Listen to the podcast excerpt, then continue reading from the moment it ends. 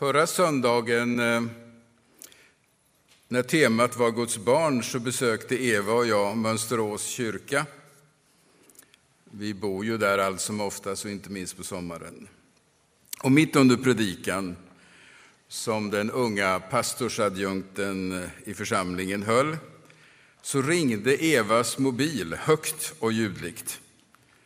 Och vi var ju inte så många i kyrkan dessutom. Och det var vår dotter Lena som ringde. Hon var veckovill och tänkte inte på att hennes föräldrar alltid går i kyrkan på söndagarna. Och efter några signaler så eh, fick Eva tyst på mobilen och sen bad hon prästen om ursäkt efter gudstjänsten. Men jag var upprörd, både under gudstjänsten, resten av gudstjänsten och efteråt. Jag vill inte chikanera min hustru fast jag gör det. Där. Eh, vi kan alltid göra fel och glömma. Och det har jag också gjort. Men eh, jag sa efteråt, varför ska de med den där avguden till kyrkan? Varför är det så viktigt att vara nåbar överallt och vid alla tider? Och sen gick mina tankar till eh, dagens text som jag visste jag skulle predika över, där Jesus säger Gör inte min faders hus till en saluhall. Gör inte Guds hus till något annat än vad det är avsett att vara. Och nu finns det ju en risk med en sån här inledning till predikan, så finns det ju en risk att, att jag skulle hålla en moraliserande och tillrättavisande sån. Men det är inte min uppgift, jag är inte föreståndare eller pastor längre. Jag ska bara enkelt eh, besvara frågan eh, vad Guds hus ska vara, om det inte ska vara en saluhall. Och det är ett annat sätt att försöka besvara frågan om det överhuvudtaget behövs något Guds hus. Det är faktiskt så att alla fyra evangelisterna, Matteus, Lukas, och Markus och Johannes, berättar om tempelrensningen, men lite, med lite olika inriktning. Evangelisten Johannes är mest utförlig och han skiljer sig från de andra tre evangelierna genom att berätta om intåget i Jerusalem redan i början av sin eh, berättelse. Medan eh, Matteus, Markus och Lukas berättar om det strax före Jesu död. Det är knappast troligt att det har skett två gånger, den här rensningen. Eh, det är nämligen så att eh, bibelforskarna är ganska överens om att, att den här handlingen, genom den så skrev Jesus under sin egen dödsdom. Det var så fruktansvärt provocerande att försöka rensa templet på det här sättet och man uppfattar det som angrepp på själva templet. Eh, men det handlar ju inte bara om när det hände, utan, utan framför allt varför berättar de det här? Och Johannes han berättar om det i början av sitt evangelium, för han ser det som en symbolisk handling eller händelse som eh, själva verket illustrerar hela Jesu gärning. Jesu gärning var ett angrepp på hur man firade gudstjänst i Jerusalem. Och jag kommer tillbaka till det. I de tre första evangelierna så motiveras Jesu angrepp på templet så här. Mitt hus ska vara ett bönens hus. Och det är ett citat från eh, Jesaja-boken. Och i Jesaja så skriver han till och med så här, mitt hus ska kallas ett bönens hus för alla folk. Och Markus återger det. Alltså, templet, Guds hus, ska vara en plats främst för bön och lovsång och tillbedjan, inget annat. Och sen barnsben så hade Jesus besökt templet. Och besökt templet för att samtala och möta sin himmelske fader. Eh, när föräldrarna letade efter honom, och det är en av dagens texter, första årgången, så när föräldrarna letade efter Jesus i templet och fann honom slutligen och uttryckte sin oro så svarar han dem så här. Varför ska ni leta efter mig? Visste ni inte att jag måste vara hos min fader? Nu när han i vuxen ålder kommer till templet och ser hur man bär sig åt där i templet, hur växlandet av rom, orena romerska mynt till heliga eller rena tempelmynt och framförallt försäljningen av offerdjur eh, på tempelområdet upptog så att säga hela hedningarnas förgård så blev han så fruktansvärt upprörd därför att det förhindrade just dessas tillbedjan och bön. Och han vidtog de här drastiska åtgärderna.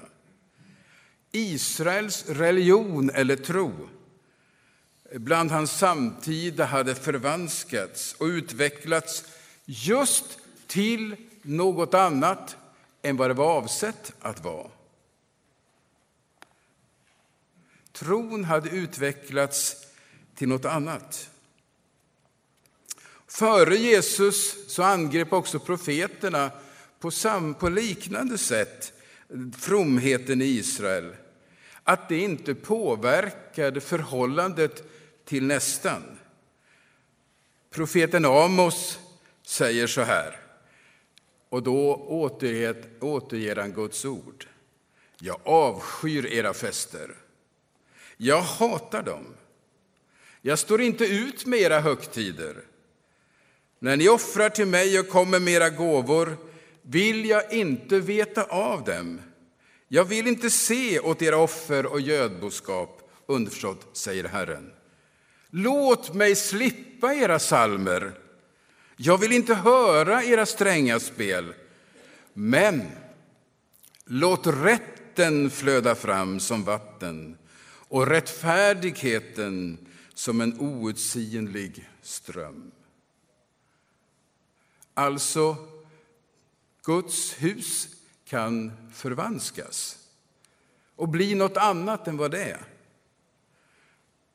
Och profeterna, och inte minst Jesus, kallar Guds folk tillbaka till meningen med Guds hus. Och det grundläggande enligt Jesus när han uttalar sig i Markus, eller Matteus eller Lukas är att Guds hus är till för att vara en plats för bön och tillbedjan.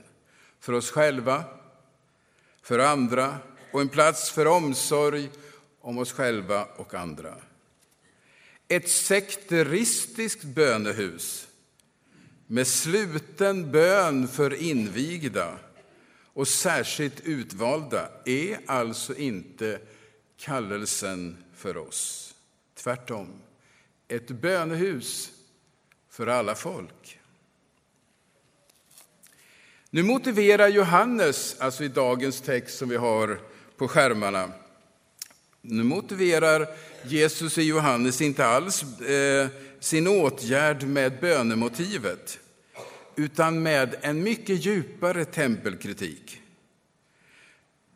Jesus motiverar sin aggressiva handling med att det aktuella templet ska rivas, han förutsäger det, och ska ersättas med ett annat tempel.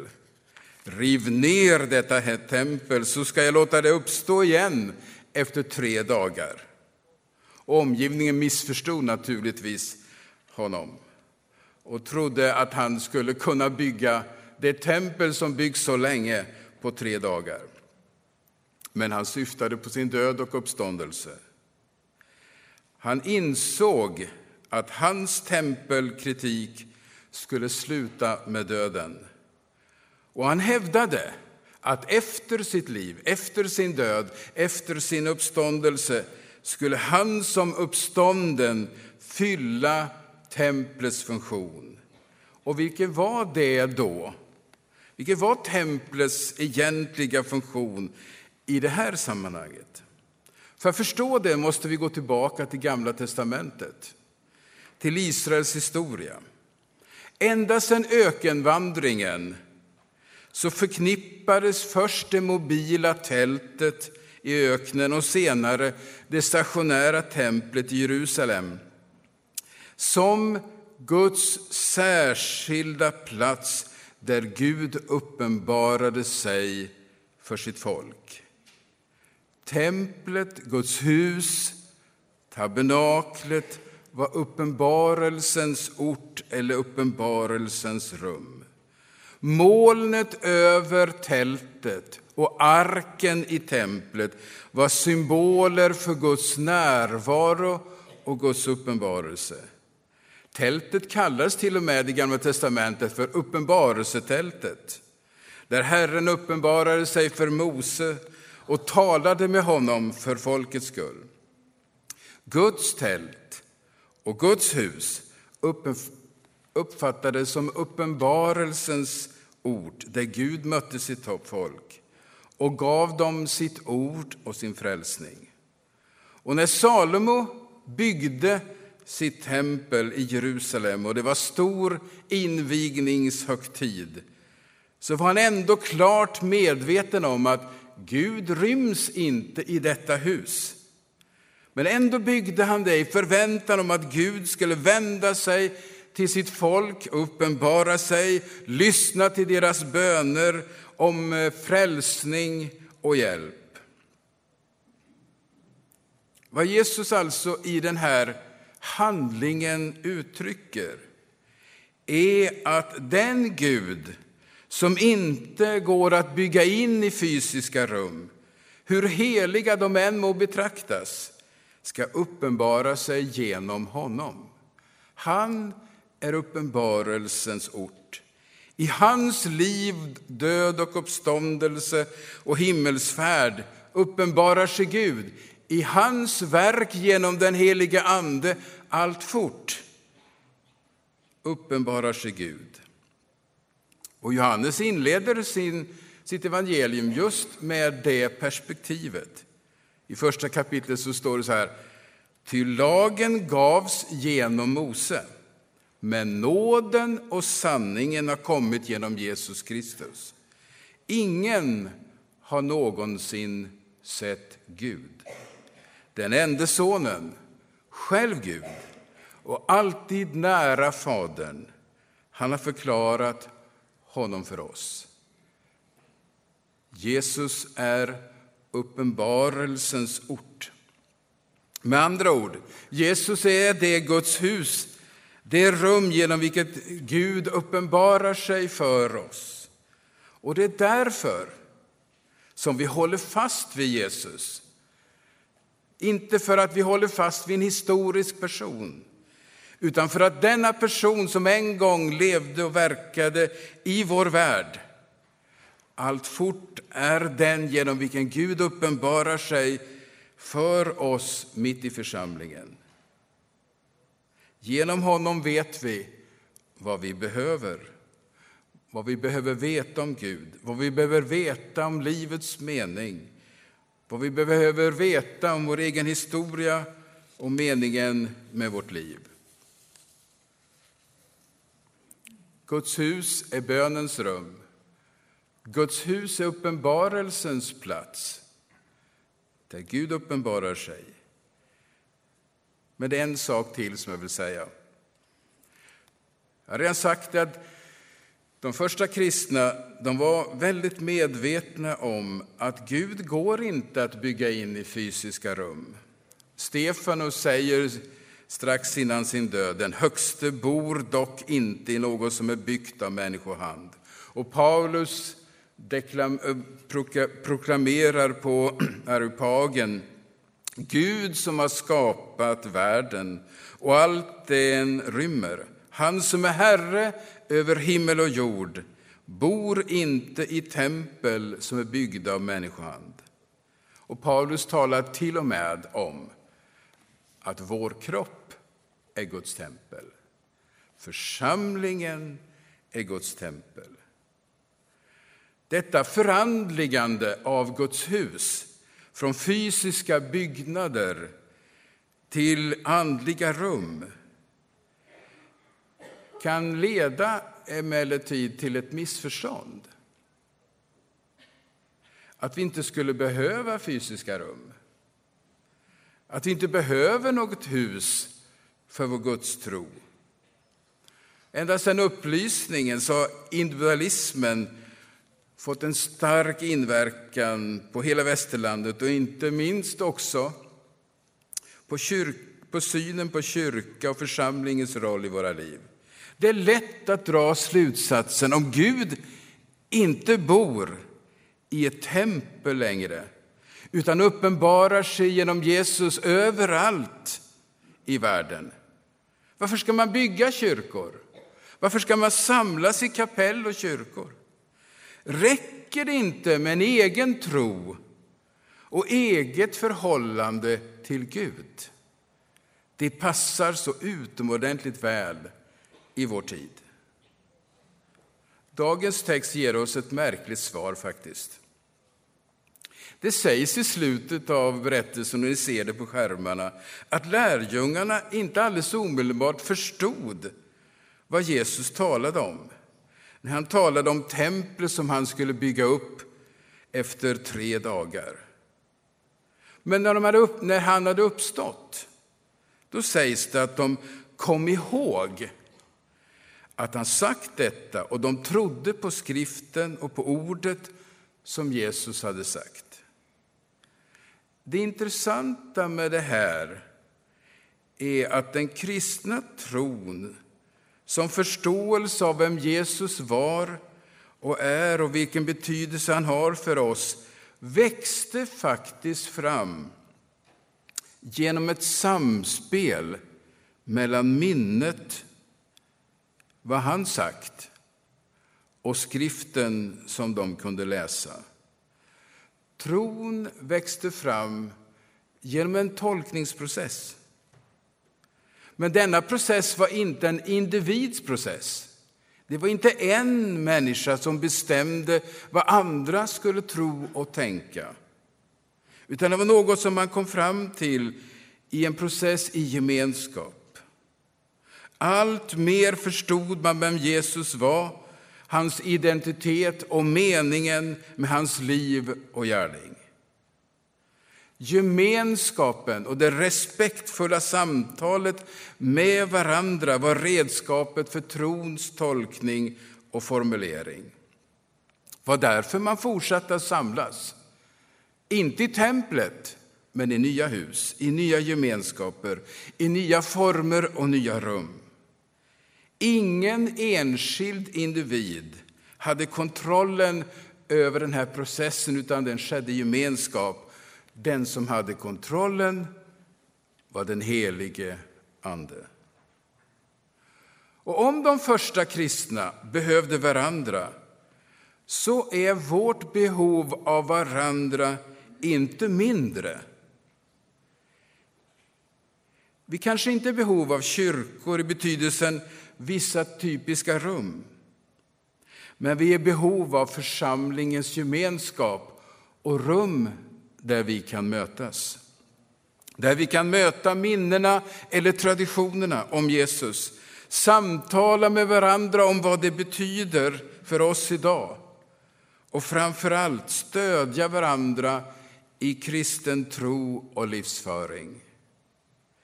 Församlingen som Guds hus är ett ovärderligt redskap för att förmedla kunskapen om Guds uppenbarelse och kristen tro.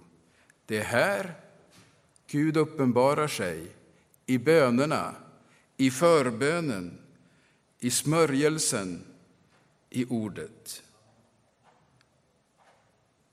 Församlingen är främst inte en skola för kunskap och lärdom utan församlingen som gemenskap en plats för uppenbarelse Förvänta dig det.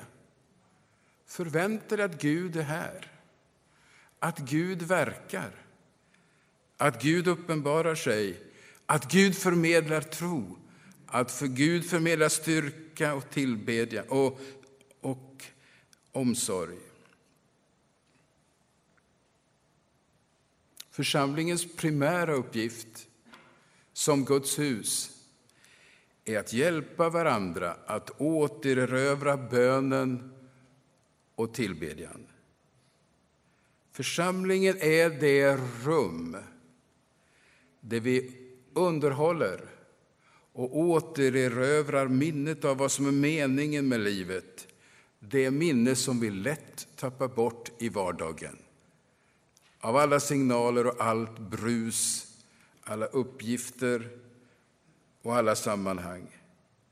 Att vi har vårt ursprung i Gud, att vi är på väg till honom och att vi behöver honom. Guds hus. Församlingen är Guds hus där vi får be, möta uppenbarelsen och påminna varandra om livets innersta mening och verklighet. Låt oss bedja.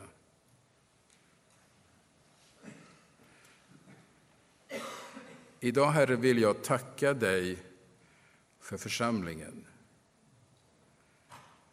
För att du gett oss gemenskapen i Kristus och i den gett oss möjlighet att möta dig på olika sätt.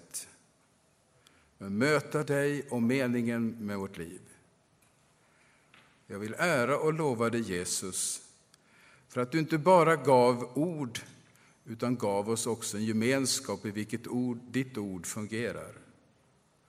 Jag vill tacka dig för frälsningen.